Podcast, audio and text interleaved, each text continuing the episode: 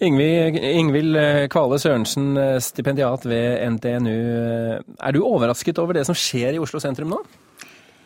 Nja, eh, nei, egentlig ikke.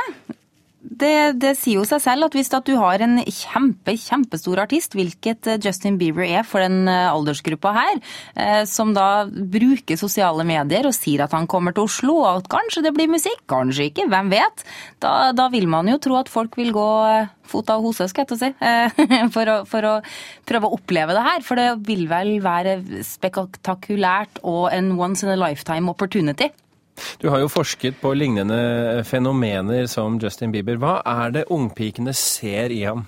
Nei, det, det Altså, han er jo en kjekk uh, ung mann. Det er det jo ikke til å stikke under en stol. Uh, og han, han, synger pent, og så er det jo et eller annet med at han kom jo fra ingenting, ikke sant. Han, han, han kom fra YouTube, han kom som en amatør, og da ble plukka opp, og så har blitt et sånt kjempestort markedsføring med, med merchandise og parfymer og alt som er som du kan få kjøpt. Ja, Hvor viktig er akkurat den delen?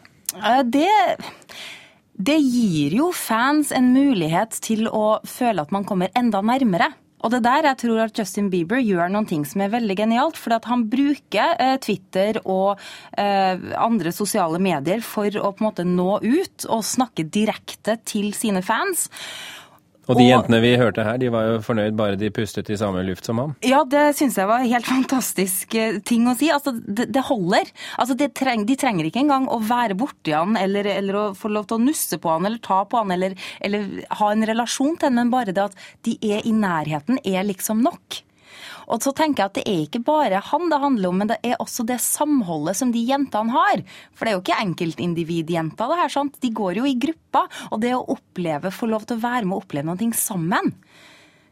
Men, men er, snakker vi her om en sånn identitetsfaktor, da? Ja, jeg, jeg, jeg vil tro at det. Altså det er jo, Nå har jo jeg gjort min forskning i det siste på, på, Disney Channel og High School Musical og Hanna Montana.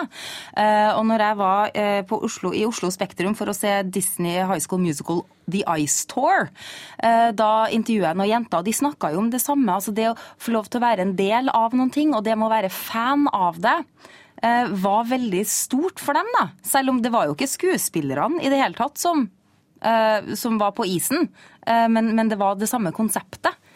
Så tror du at alle disse jentene som nå strømmer rundt i Oslo, Oslo sentrum og, og operaen i Bjørvika, tror du de legger seg i kveld lykkelige?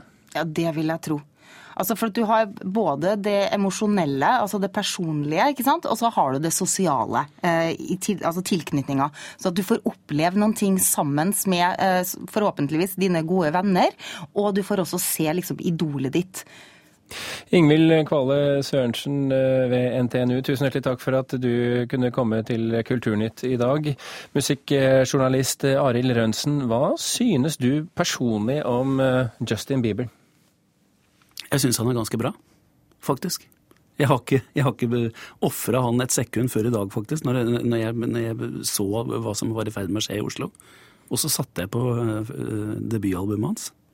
Det er helt grei popmusikk. Det er ikke, det er ikke, sånn, det er ikke bare tull. Det er skikkelig ålreit popmusikk, stort sett. Hvor vil du plassere ham i hierarkiet av tenåringsidoler gjennom tidene? Jeg tror nesten det, altså det er litt vanskelig å svare på, men per i dag så er den antageligvis helt på toppen. Og det har sammenheng med, med sosiale medier. Altså Nå er det et titalls millioner unge jenter på 15 år rundt omkring i verden som følger han på Twitter. Og hvis du følger den på Twitter eller på Facebook, så er det litt sånn Jeg kjenner den nesten. Mm. Og det har aldri vært mulig med noen. altså Ikke engang Britney Spears var det mulig med, for da fantes det ikke.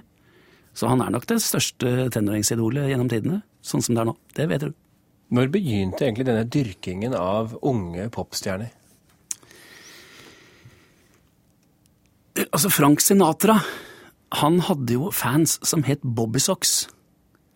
Og det var uh, veldig mye jenter som var under 20 år. Men, uh, men før det altså Ikke engang da. Så, altså det at man ble tenåringsidol, det handla jo om at man fikk en generasjon som ble kalt for tenåringer. Altså Ikke sånn aldersmessig, men at ungdommen fikk sin egen kultur. Og det oppsto jo omtrent med Elvis.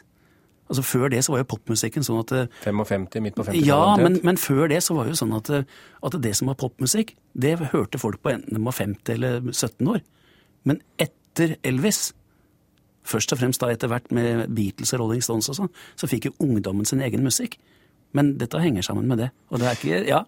Men, men jeg har et inntrykk av når jeg ser gamle eh, opptak av Beatles-konserter og sånn, at, at eh, tenåringene var litt eldre på den tiden. Var de det? Nei, jeg tror det har med svart-hvitt-TV å gjøre.